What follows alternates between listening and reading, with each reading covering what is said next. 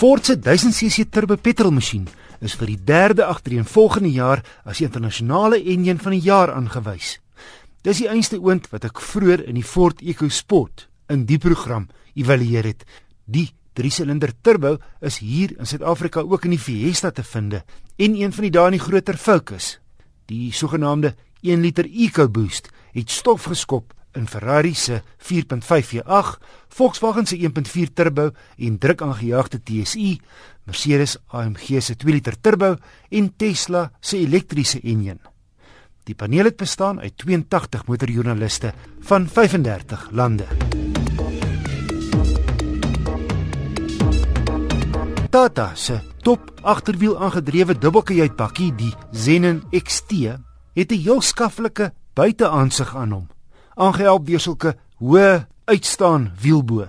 Binne egter begroet 'n redelike ouderwetse paneelbord jou, wel 'n moderne aanraakskerm vir die klank.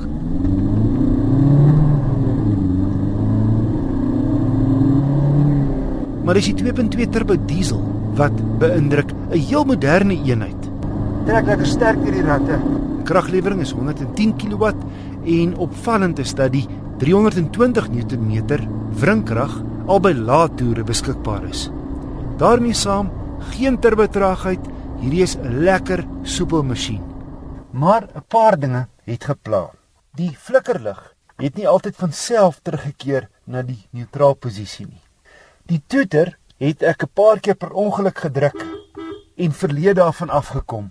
Die ding is as jy jou vingers op die 3 uur en 9 uur posisie net effens binne die stuurwiel beweeg. Aktiveer jy die toeter.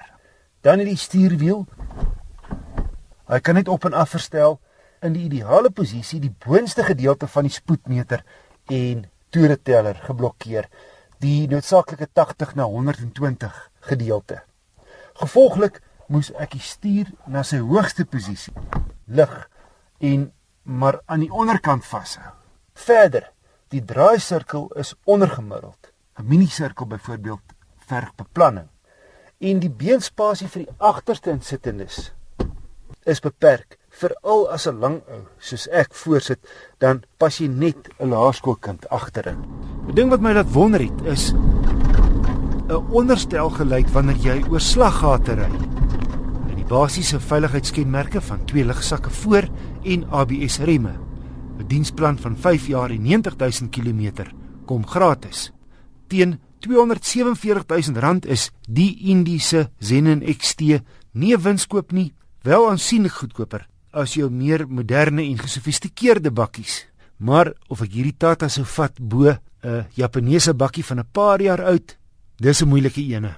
Indien jou begroting dit sou toelaat om R60000 meer te spandeer, sou ek eerder die goedkoopste Ford Ranger dubbelkajuit agterwiel aangedrewe 2.2 turbo diesel aanbeveel. Hy is die goedkoopste van die nuwe geslag, meer moderne dubbelkajuit bakkies.